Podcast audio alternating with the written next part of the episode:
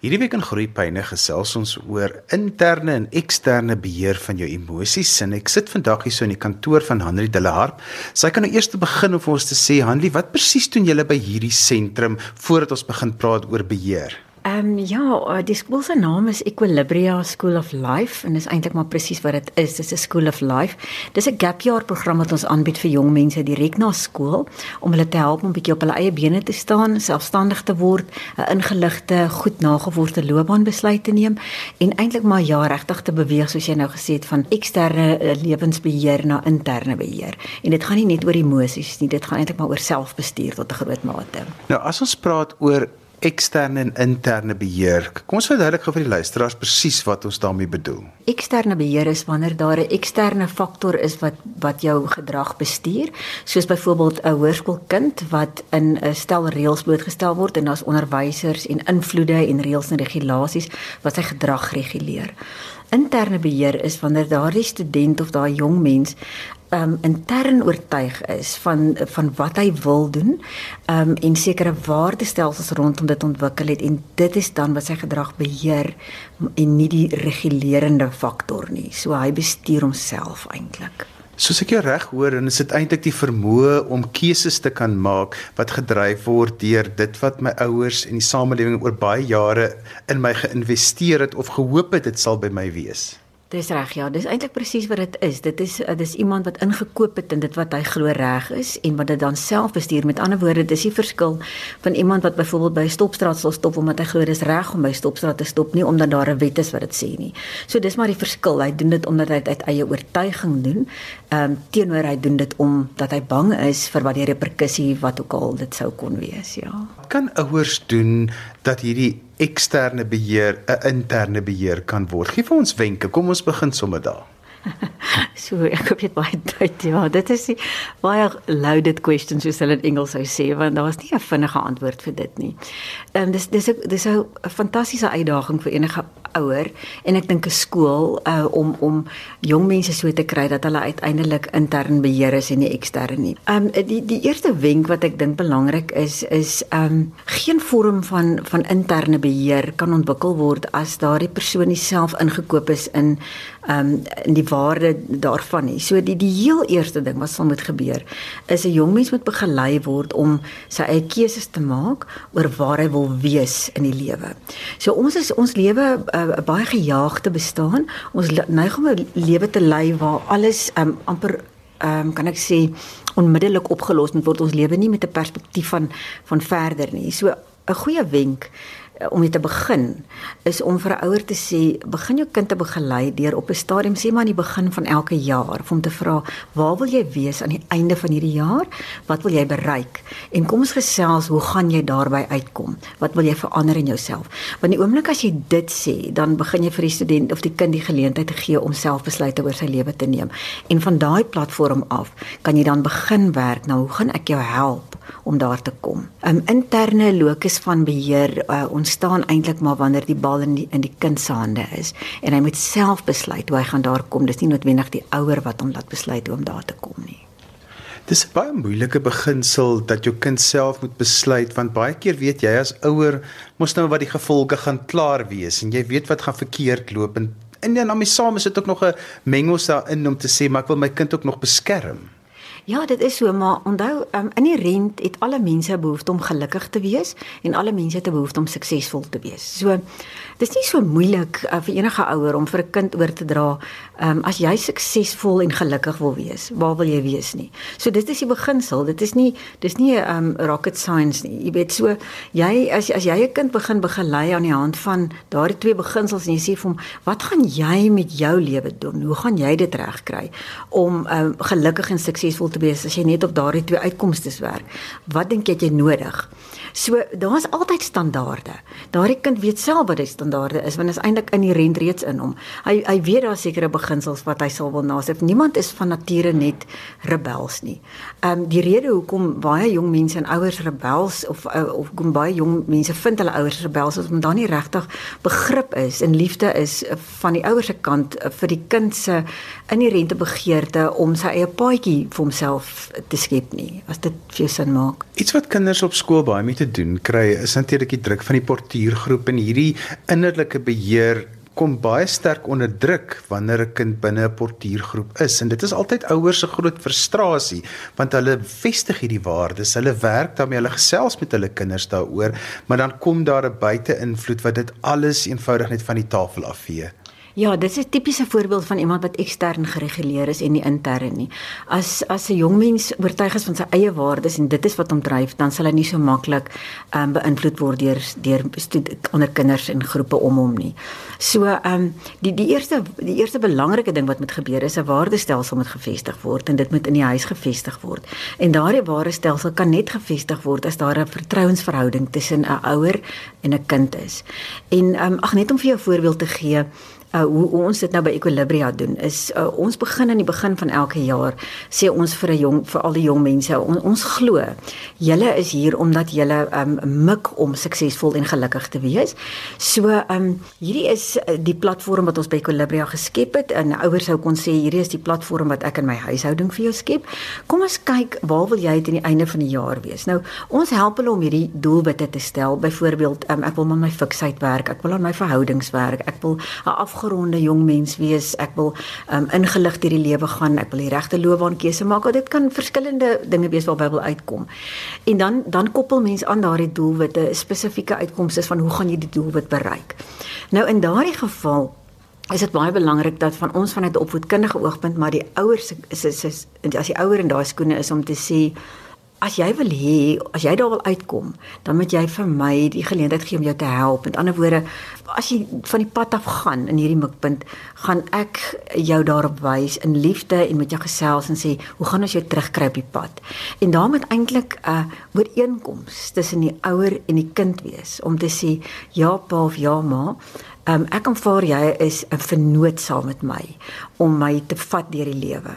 En um ek gee vir jou die reg uh, uh, om om my te wys daarop as ek van die pad afgaan in liefde, nie in veroordeling nie.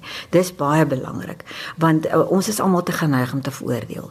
As ons die veroordelingselement daar uithaal en dit word met 'n liefdesingesteldheid gedoen om te sê ek sien hierdie paadjie waarop jy loop is nie die pad wat jou by jou doelwit gaan bring nie en baie belangrik om dan nie veroordelend te wees om te sê jy gaan hierdie of daardie reperkussie kry nie. Jy moet eerder sê hoe kan wat gaan jy jy doen om te kyk dat jy weer terugkom. Dit, dit is hoe jy lokus interne lokus van beheer gee skep is wanneer daai jong mens die bal in sy hande voel en dink wat kan ek doen om weer terug te kom waar ek oorspronklik wou wees.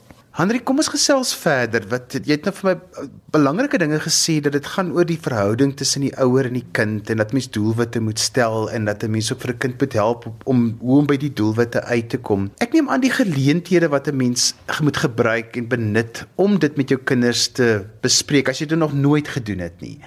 Is nogal belangrik dat jy jou tyd en wanneer jy dit doen en hoe jy dit doen dat jou kind nie net hulle oë rol nie want hierin as hulle mos so vroeg in die adolessensie is rol hulle mos hulle oë oor enigiets. Ja, um, ek dink jy sê die sleutelwoord daar so Johan en dit is die die punt uh, dat daar tyd en dit moet inkom en dat die tyd reg gekies word.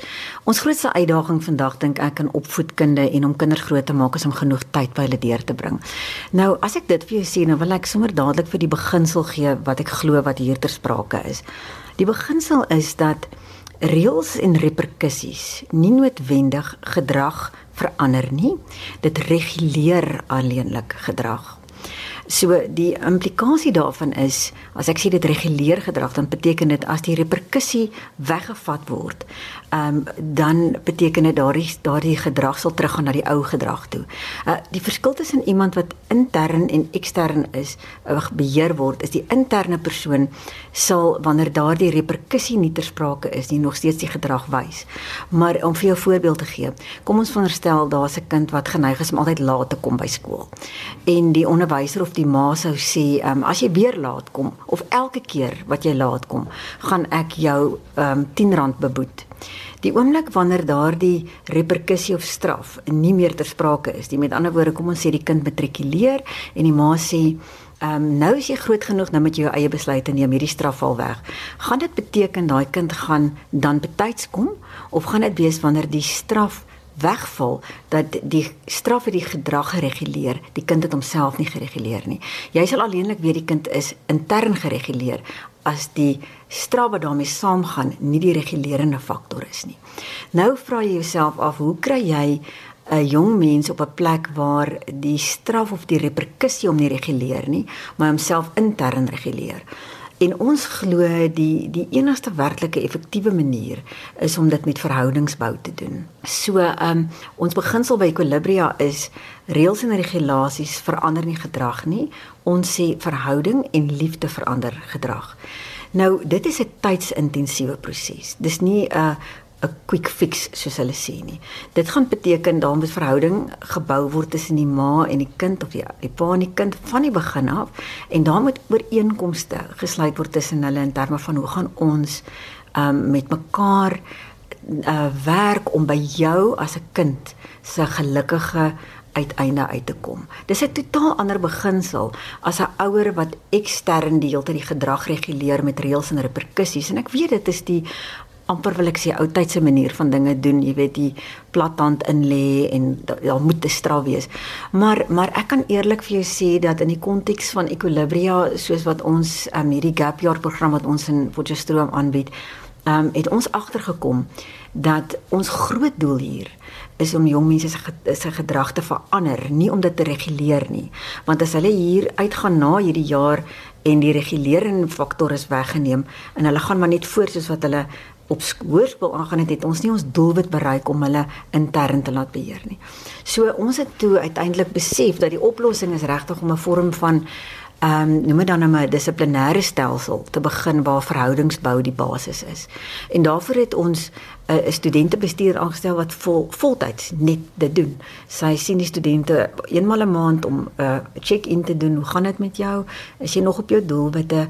Ehm um, wat is die uh, die struikelblokke dat jy nie by jou doelwitte uitkom nie? Ons het 'n moniteringsprogram om te wys ehm um, hoe die studente besig is om te funksioneer en of hulle steeds op hulle doelwitte is. As hulle daarvan afgaan dan word hulle nie ingeroep om veroordeel te word nie. Hulle word ingeroep om te sê ons sien jy's besig om 'n paadjie te vat wat nie by jou doelwit uiteindelik gaan uitkom nie.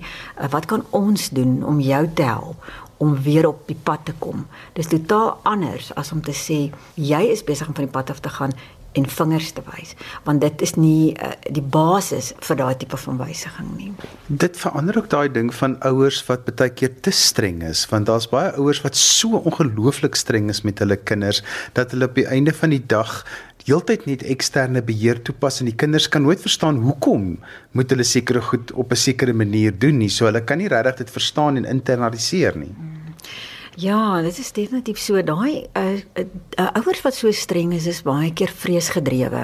Hulle het te vrees dat hulle kind van die pad af gaan gaan en hulle is te vrees dat hulle verkeerde dat hulle nie uh, goed genoeg ouers gaan wees nie. Die ironie van van dit wat ek nou besig is om vir jou te sê, is dat die noem dit dan nou die verhoudingsbou metode is ironies gebore gesproke eintlik 'n strenger metode want dis 'n metode wat vir jou sê uh, maak nie saak wat jy doen nie.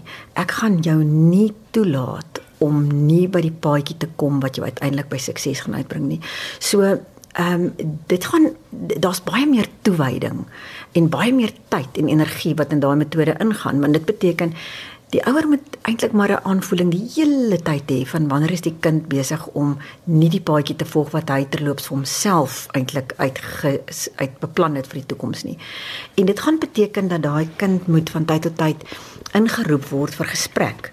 Gesprek is dis die basis van hierdie hierdie metodiek. Dit is eintlik maar kyk die kind in die oë en sê, "Ehm, um, hoe gaan dit met jou? Is jy regtig gelukkig? Dink jy hierdie metodes wat jy doen of hierdie plannetjies wat jy volg, um, is in lyn met die doelwitte wat jy in die begin vir jouself gestel het? Daardie benadering is anders as om te sê, ehm um, as jy nie dit of dat nie, gaan jy nie dit of dat nie. So so dis dis maar ons groot risiko is om 'n uh, 'n veroordelende boodskap uit te stuur. Gaan nooit 'n vertrouensverhouding bou nie waar as die kind van die begin af weet die ouer is aan sy kant en hulle is saam besig om aan die kind se toekoms te werk, dan sal die kind ook met vertroue na die ma toe kom en sê help my hier man ek gly, ek kry dit nie reg nie of ek word beïnvloed en ek wil maar ek weet nie hoe om dit te doen nie. So um, ek ek weet dit klink miskien 'n bietjie na 'n groot ideaal vir baie mense. Al wat ek vir jou kan sê is uh, by ons um, afrondingsskool in Potchefstroom het, het ons baie baie jare geëksperimenteer met dissiplinêre stelsels. Ons het elke manier eh, probeer in die boek uh om om jong mense te reguleer. Ons het hulle boetes laat betaal, ons het kreatiewe strawwe gehad, ons het hulle gemeenskapswerk laat doen, ons het hulle mure laat verf en skottelgoed was. Ons het alles gedoen. En ek het net op 'n punt op 'n stadium in my lewe gekom wat ek agtergekom het dit verander nie daardie jong mense nie. En ek het 'n uh, probleem ontwikkel dat ek besef my skool se visie en ons ehm um, uh, ons slagspreuk is changing lives. En ek het gesê maar ek is besig om vals te wees. Ek is nie besig om lewens te verander nie, ek is besig om hulle te reguleer. En ek moes ernstig gaan dink aan metodes. Hoe gaan ons hierdie mense se lewens verander? En en die oplossing is regtig om te besef ons gaan eers 'n vertrouensverhouding met hulle moet bou en hulle laat inkoop in die waardes wat wat ons glo uiteindelik eintlik ook maar hulle waardes is.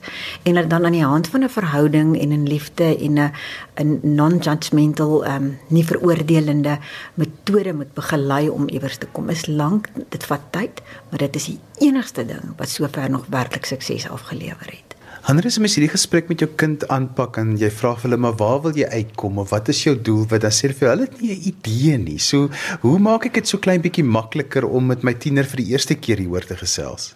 Baie belangrik is om vir daardie jong kind te wys waar kan hy uitkom. So jy vra 'n belangrike vraag. Dit is so baie van hulle het nog nooit eers daaraan gedink nie. Ek wil eers ons die ouers dink dink dikwels nie daaraan nie. So dit is belangrik dat die ouer ehm um, amper self reeds 'n riglyn het van waar kan jy uitkom. Ehm um, kom ons sê uh, waar wil jy byvoorbeeld wees aan die einde van matriek? uh, wil jy onafhanklik wees? As jy wil onafhanklik wees, dan gaan jy moet begin dink aan hoe om met jou eie geld te werk. So, as jy met jou eie geld werk, wat is die die stappe en die riglyne wat jy byvoorbeeld sal wil volg? Hoe gaan ons daaroor gesels? So, so dis nou 'n voorbeeld van onafhanklikheid. Maar kom ons sê, ehm um, die meeste mense, daar's daar is baie standaard ehm um, beginsels wat vir meeste mense geld. Die meeste mense wil gelukkig getroud wees byvoorbeeld dit kan al as 'n kind uh, besluit word. Ek wil eendag 'n gelukkige huwelik hê en ek wil die perfekte lewensmaat hê. So as 'n ouer dan vir die kind sê, "Goed, om die perfekte lewensmaat te hê, moet jy eerstens in jouself die perfekte lewensmaat word." So kom ons dink, hoe gaan jy die beste weergawe van jouself word? So kom ons kom ons miskien Google 'n klompie woorde, jy weet, uh, karaktereienskappe. Wat is die karaktereienskappe wat jy wil kweek? Ehm um, jy weet as jy gelowige is van kyk in die Bybel wat is die vrugte van die gees? Is dit miskien goed wat jy wil kweek? So dit daar sal definitiewe riglyne na die kind uh, gegee moet word om te sê waar kan ek wees?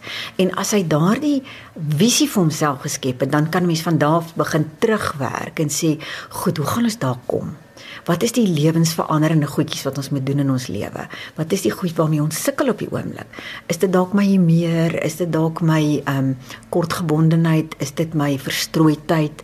Ehm um, is dit dit of dat?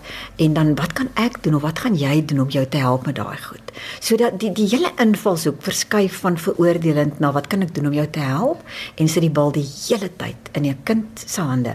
Want dit is hoekom ek glo ons sukses by Equilibria het, want ons jong mense hou daarvan om te voel die bal is in hulle hande. Hulle wil nie deur ander mense voorgeskryf word nie. Hulle wil gerespekteer word as jong mense wat die vermoëns het om besluite te kan neem.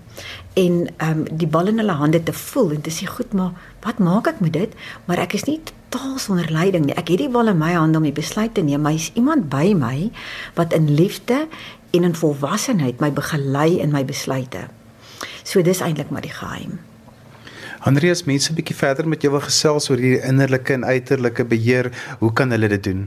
Ag, hulle is sommer welkom om my te bel, ehm um, na my selnommer toe. Ek kan dit op die lig net gee. Dit is 083 280 3283 of hulle kan hierdie nommer en besonderhede op die webblad kry by Equilibria School of Life en daar sal hulle my besonderhede kry. Hulle is baie welkom om direk met my te skakel om meer te gesels. En so gesels Hanlie de la Harp. Ons het vandag gekuier by haar kantoor in Potchefstroom.